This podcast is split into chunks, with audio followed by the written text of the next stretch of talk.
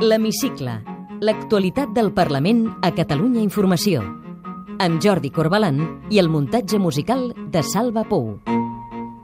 Setmana de ple al Parlament en què la sessió de control al president de la Generalitat va estar marcada per la conferència que Puigdemont, Junqueras i Romeva havien fet la vigília a l'Eurocambra de Brussel·les. L'activitat al Parlament, però, ha quedat sacsejada per les afirmacions del jutge Santi Vidal sobre el procés que han provocat la seva renúncia com a senador. Benvinguts a l'Hemicicle. L'Hemicicle. L'actualitat del Parlament a Catalunya Informació. El govern desmenteix Santi Vidal, però l'oposició vol explicacions al Parlament. El govern actua amb total transparència. No hem obtingut cap dada il·legal de cap ciutadà. Esperem que el president Puigdemont i els consellers no s'amaguin si són tan valents per anar dient tot el dia que se saltaran les lleis. Ciutadans i populars carreguen contra Puigdemont per haver anat a Brussel·les a explicar el referèndum. Decía el presidente Tarradellas que en política se puede hacer de todo menos en ridículo y yo añado menos, aún menos, en el Parlamento Europeo.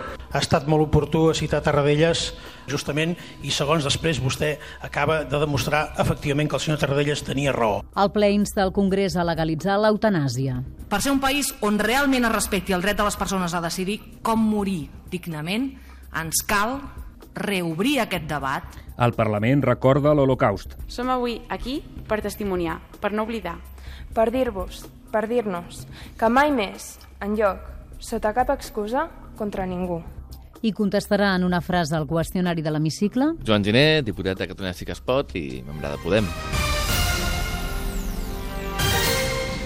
En aquests moments no us diré com ho hem aconseguit, perquè ho hem aconseguit de manera absolutament il·legal. I un jutge no pot parlar de com es fan les coses il·legalment, suposo que ho sabreu. En aquests moments tenim totes les vostres dades tributàries. L'activitat del Parlament d'aquesta setmana ha quedat sacsejada per aquestes afirmacions del ja ex-senador Santi Vidal desmentides pel govern i per Esquerra i que la Fiscalia està investigant. La renúncia voluntària de Santi Vidal de l'escó a la Cambra Alta no ha fet amainar, però, la tempesta política. L'oposició demana al govern que s'expliqui al Parlament. Ho expliquem amb Carme Montero. El govern afirma que només té les dades fiscals dels tributs que gestiona i que les ha obtingut en el marc de la més estricta legalitat. Neus Munté, consellera de la presidència. Jo desmenteixo de manera rotunda i categòrica aquestes declaracions que són molt greus perquè són falses i per tant són totalment inacceptables per nosaltres com a govern. El govern actua amb total transparència. No tenim cap eh, dada il·legal, no hem obtingut cap dada il·legal de cap ciutadà. El secretari d'Hisenda, Lluís Salvador, es mostra disposat a donar explicacions al Parlament i al govern a sotmetre's a una auditoria sobre l'ús que fa de les dades de caràcter fiscal. L'oposició no en té prou. Sentim la cap de l'oposició, Inés Arrimadas, Joan Coscubiela, de Catalunya sí que es pot, el socialista Miquel Iceta i el popular García Albiol. Esperem que el president Puigdemont i els consellers no s'amaguin i que no diguin que no volen donar explicacions perquè si som tan valents per anar dient tot el dia que se saltaran les lleis i que declararan la independència, suposo que seran valents ara per venir al Parlament i explicar a tots els catalans i catalanes si realment doncs, s'han violat els nostres drets i la nostra intimitat. Unes afirmacions d'aquesta gravetat requereixen ser desmentides en seu parlamentària per part del vicepresident Junqueras. El Parlament està per això. El que em fa por amb tot això, i no i té a veure amb les declaracions de, de Santi Vidal, però té a veure en general. Si un vol fer un referèndum que és il·legal, i tothom ho sabem, eh, haurà de fer alguna il·legalitat, no? Com es fa un referèndum il·legal sense saltar-se la llei? Per donar veracitat a aquestes eh, afirmacions de que tot això és mentida, el que demanem al govern de Catalunya és que presenti immediatament una denúncia en contra del jutge Vidal per a aquestes afirmacions tan greus. La copaire Eulàlia Reguant coincideix amb el govern que Santi Vidal no diu la veritat. Nosaltres no donem cap mena de credibilitat al que ell diu, independentment del que ens pugui dir el govern o no. Creiem que eh, només respon a la necessitat d'una persona a tenir notorietat i, a, en certa manera, a mm, ser una mica megalòman. L'Hemicicle. El Parlament a Catalunya Informació. Aquest afer ha deixat en segon terme el ple d'aquesta setmana. La conferència del govern al Parlament Europeu centrava dimecres la sessió de control al president Puigdemont. La conferència no va agradar ni al PP ni a Ciutadans, però tampoc va convèncer del tot la CUP. Els primers creuen que van fer el ridícul reclamant ajuda a Europa per fer el referèndum i els copaires no es van sentir còmodes amb la defensa insistent de la via pactada. Sessió de control. El PP i Ciutadans van criticar la despesa que ha suposat la conferència que, a més, asseguren no va comptar amb cap representant internacional de pes. Sentim la cap de l'oposició Inés Arrimadas, el popular Xavier García Albiol i la rèplica del president Puigdemont. Ha ido usted al corazón de la Unión Europea a hablar de desunión. Ustedes destinan mucho esfuerzo y mucho dinero de los catalanes en Europa, pero ¿sabe qué pasa? Que no le recibe ni una sola autoridad europea. Usted es un presidente, déjeme que se lo diga, ausente y provisional. Es un relato infantil con el dinero de todos. Y la respuesta a su desafío la tuvo ayer precisamente. Está políticamente aislado. No es creguin la seva pròpia propaganda aniran malament. Pensar que la gent que assisteix a una conferència és ningú, mirin les persones que van venir. Allà l'interès hi és i les preguntes hi són i l'interès i les preguntes se les haurien d'haver posat vostès fa uns quants anys i potser avui, en lloc de fer aquesta cara d'esturats perquè passen coses que vostès deien que no passarien mai, entendrien alguna cosa més. I les crítiques també van arribar des de la CUP, que va retreure al govern que no expliqués la diversitat ideològica de les opcions independentistes. Els copaires no van interpel·lar el president Puigdemont sobre la conferència, sinó que van preguntar al vicepresident. Sentim la diputada Anna Gabriel i Oriol Junqueras. L'objectiu del referèndum pactat no distregui de l'objectiu principal, que és l'objectiu realista, l'únic que existeix, la unilateralitat. Nosaltres no ens distraurem, no ens hem distret mai dels nostres compromisos i ens sembla que la fermesa en els compromisos, la, la feina és compatible amb eh, l'acte de pedagogia que vam fer en el Parlament Europeu. Des de Catalunya sí que es pot el diputat Joan Josep Noet feia pinya al voltant del govern de Puigdemont avalant del tot la conferència. Sàpiga que tenen el nostre suport en l'acte de pedagogia que el govern va realitzar ahir a Brussel·les. I el socialista Miquel Iceta insistia en la via del diàleg. Necessitem diàleg, negociació i pacte. I això és cosa de dos. Jo li demano que no resigni a l'absència de diàleg, que aturi el compte enrere i deixi una oportunitat a la negociació. El problema són els compliments, que no ho hem après, això ja. Si d'acords en fem molts, de cimeres n'hi ha moltes, de reunions n'hi ha moltes, fins i tot hi ha lleis aprovades en aquest sentit, hi ha acords aprovats en aquest sentit. Un dels acords, les conferències de presidents, si s'ha incomplert. Doncs a propòsit d'aquesta via del diàleg, Junts pel Sí i la CUP rebutjaven dijous en el ple una moció del PSC en favor de l'establiment d'un marc de diàleg entre la Generalitat i el govern espanyol. Catalunya sí que es pot s'hi va mostrar favorable. La moció instava els governs a reactivar les comissions bilaterals. Sentim el diputat socialista Ferran Pedret i la rèplica de Jordi Cendra de Junts pel Sí. El que estem demanant és que els governs de Catalunya i d'Espanya facin el que podrien fer i no fan els hi demanem els dos. No pateixin, tenim molta força, tenim molta energia i seguirem intentant-ho, almenys fins la mateixa nit abans del referèndum del 2017. El diputat de Catalunya sí que es pot, Joan Josep Nuet, creu que no es poden tancar les portes al diàleg. Encara que el poble de Catalunya decidís que vol ser independent, sempre haurem de gestionar una transició. Construïm diàleg, construïm ponts, construïm pacte, fem servir cada engruna que tenim per construir un diàleg amb el govern espanyol. El copaire Carles Riera va retreure-li que perseveri en aquesta via. Els eh, companys i companyes eh, dels comuns el que els hi demanem és que per solidaritat estiguin al nostre costat en la unilateralitat. Ciutadans i el Partit Popular van donar suport parcial a la moció. Fernando de Páramo, de Ciutadans, deixava clar que ells apostaran pel diàleg. Nosotros sí lo vamos a ejercer y lo vamos a ejercer directamente como líderes de la oposición en Cataluña en una reunión con la vicepresidenta del Gobierno de España, donde hablaremos de nuestras propuestas. I el popular Alejandro Fernández va aprofitar la intervenció per demanar al PSC que s'alineï amb el bloc unionista. Continuarà sent una peça fonamental i ho dic amb tota la franquesa, en la necessitat de construir una alternança política a Catalunya no nacionalista.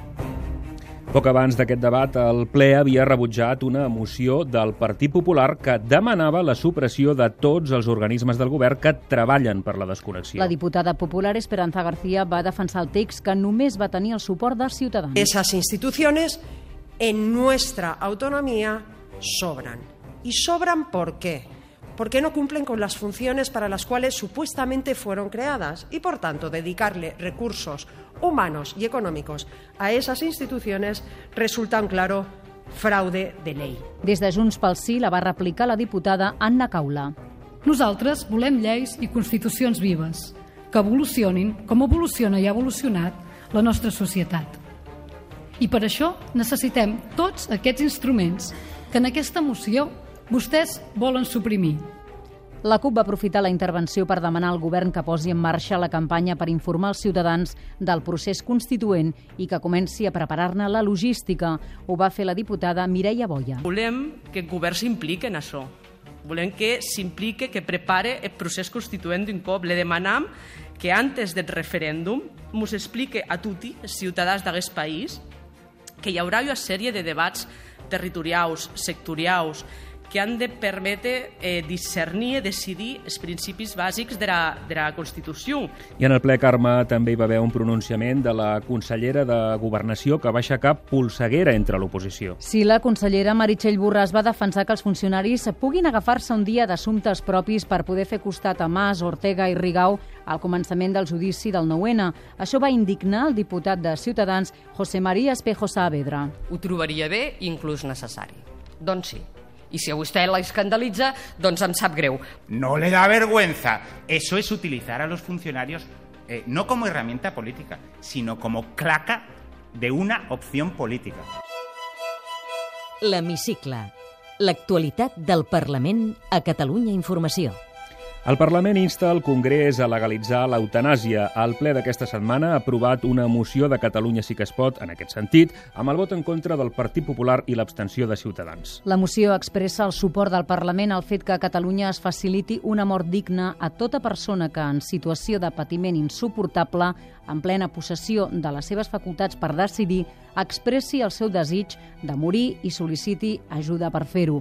La diputada Marta Ribas defensava la despenalització de l'eutanàsia i el suïcidi assistit. Per ser un país on realment es respecti el dret de les persones a decidir com morir dignament, ens cal reobrir aquest debat i ens cal empènyer perquè finalment tinguem una despenalització de l'eutanàsia i del suïcidi assistit. Ciutadans i el Partit Popular no comparteixen aquest punt de vista. Sentim el diputat popular Fernando Sánchez. No ens podem rendir tan ràpid. Estàs cansat de, de viure? Apa, t'ajudo a marxar. Clar, això és més fàcil que preguntar-se i fer front a les causes d'aquesta situació. És més fàcil donar el passaport a l'altre barri que trencar la soledat o patir el dolor, que és la causa habitual per les quals les persones desitgen avançar la mort. I Junts pel Sí i el Partit Popular tombaven dimecres una proposició de llei de Catalunya sí que es pot que proposava modificar la llei d'educació de Catalunya per garantir la laïcitat a l'ensenyament. La CUP i el PSC van donar suport a la proposta. La diputada de Catalunya sí que es pot, Jessica Albiach, defensava suprimir l'ensenyament de qualsevol religió a l'escola. Protegir el dret a la religió i al culte, però des de la neutralitat absoluta de l'Estat i a l'àmbit privat. I clar que creiem que s'ha d'explicar quin paper han tingut les religions a la història de la humanitat des d'un punt de vista de les ciències socials, no des de la confessionalitat. Des de Junts pel Sí, Montserrat Palau rebutjava modificar ara la llei d'educació i emplaçava els grups a parlar de la laïcitat a l'escola en el procés constituent. La llei d'educació catalana actual té data de caducitat i que quedi clar, avançant-me a interpretacions maldestres i o interessades, no votem contra la laïcitat. Coincidint amb la marxa pagesa organitzada pels sindicats agraris, tots els grups del Parlament aprovaven dijous una moció que reclama al govern una implicació més gran en el sector de la pagesia. Com ara un canvi de model per garantir la seguretat i la sobirania alimentària. La moció la va defensar la diputada de Catalunya Sí que es pot, Hortència Grau. Potser amb la moció d'avui, més les mobilitzacions de la marxa pagesa avui dia 27, que ens trobarem tots el dissabte a Barcelona, doncs potser entre tots podem anar a poc a poc complint tots aquests punts que hauran de fer canviar el model. La moció reclama també una revisió del canal Sagarra-Garrigues, del pla per erradicar el cargol poma i de la gestió de les dejeccions ramaderes. L'Hemicicle. L'actualitat del Parlament a Catalunya Informació. I aquest ple ens ha deixat altres titulars. El govern presentarà la primavera que ve una actualització del Pla Nacional de la Lectura. Ho anunciava el conseller de Cultura, Santi Vila, a la sessió de control al govern. Perquè afavorir l'hàbit de la lectura vol dir tornar a invertir amb la generació de noves biblioteques, vol dir tornar a invertir en la renovació de la política d'adquisicions de llibres en aquestes biblioteques, vol dir afavorir un major nombre de municipis lectors. El Parlament engega els tràmits per modificar les lleis audiovisuals. El ple va acceptar la tramitació de dues proposicions de llei del PSC i de Catalunya Sí que es pot per modificar les lleis del Consell de l'Audiovisual de Catalunya i de la Corporació Catalana de Mitjans Audiovisuals. Els dos textos tenen per objectiu garantir la imparcialitat, la pluralitat, la independència política del sistema audiovisual i per això demanen, per exemple, que es reverteixi el sistema d'elecció dels membres d'aquests òrgans. El ple també ha aprovat iniciar la tramitació de la reforma de la llei de l'oficina antifrau. Es farà a partir d'una proposició de llei de Ciutadans que reclama introduir canvis en el nomenament del seu director i en el control de la seva actuació. Només s'hi va oposar el Partit Popular, que va mantenir l'esmena de devolució. El Parlament dona llum verda per unanimitat a la fusió dels col·legis d'enginyers tècnics agrícoles i d'enginyers tècnics forestals. El projecte de llei de fusió es va debatre en lectura única a la cambra amb l'acord de totes les parts. El nou organisme agruparà 2.000 col·legiats. El ple també va retre un homenatge als dos agents rurals assassinats per un caçador el cap de setmana passat al terme d'Aspa, al Segrià. La presidenta va donar la benvinguda als representants del cos d'agents rurals que eren a la tribuna de la cambra. Els diputats drets els van aplaudir i es va fer un minut de silenci. Solidaritat amb els familiars de les víctimes i amb el cos d'agents rurals. I la cambra aprovava, amb el suport de tots els grups, una declaració institucional de record dels assassinats de Totxa. El secretari tercer de la mesa, Joan Josep Noet, va ser l'encarregat de llegir-ne el text. Avui, 40 anys després, el Parlament de Catalunya s'inclina davant la memòria dels advocats i treballadors que van morir al despatx de Totxa. L'Hemicicle. El Parlament a Catalunya Informació. El Parlament acollia aquest dijous l'homenatge institucional a les víctimes de l'Holocaust, un acte emotiu on adolescents de diversos instituts van explicar les conclusions dels seus treballs de recerca sobre la persecució i l'extermini de col·lectius com jueus, gitanos, homosexuals i discapacitats. El president Carles Puigdemont, la presidenta del Parlament, Carme Forcadell, i l'alcaldessa de Barcelona de Colau convidaven a aprendre de les lliçons del passat perquè l'odi i la intolerància no alimentin el feixisme. Si nosaltres callem, qui parlarà? Som avui aquí per recordar a les víctimes de l'Holocaust, per no reduir-les a una xifra o a una anècdota de la història. Coneixem i per això parlem de persones amb somnis, desitjos, projectes, esperances, que van ser troncats. I esperem que aquesta experiència de la qual hem après tant la puguin gaudir molts més joves. El que va ser no ho podem canviar, però el que és i el que serà, això ho podem fer diferent. Feixisme mai més, en lloc contra ningú.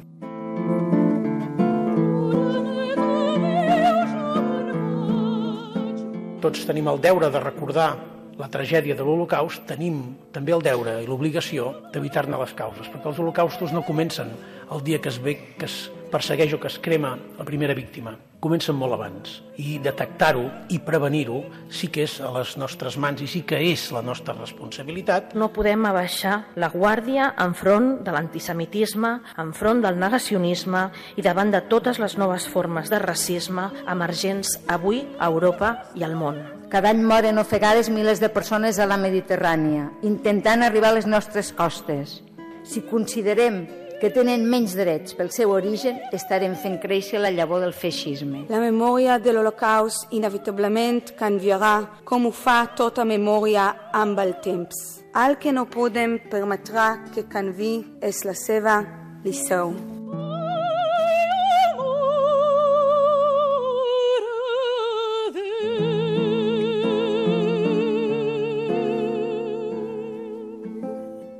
L'Hemicicle.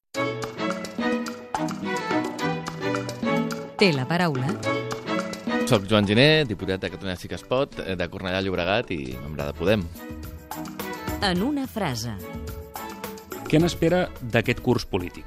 Espero que, que realment eh, puguem, eh, arri a, puguem arribar a respondre a les necessitats reals que té la població de Catalunya, una població com, com més empobrida i que crec que cal eh, trencar els marcs eh, del govern que ha hagut fins ara, aquest govern convergent, per aconseguir avançar en les necessitats socials. Referèndum o referèndum? Referèndum. I si el govern de l'Estat no vol acordar-lo?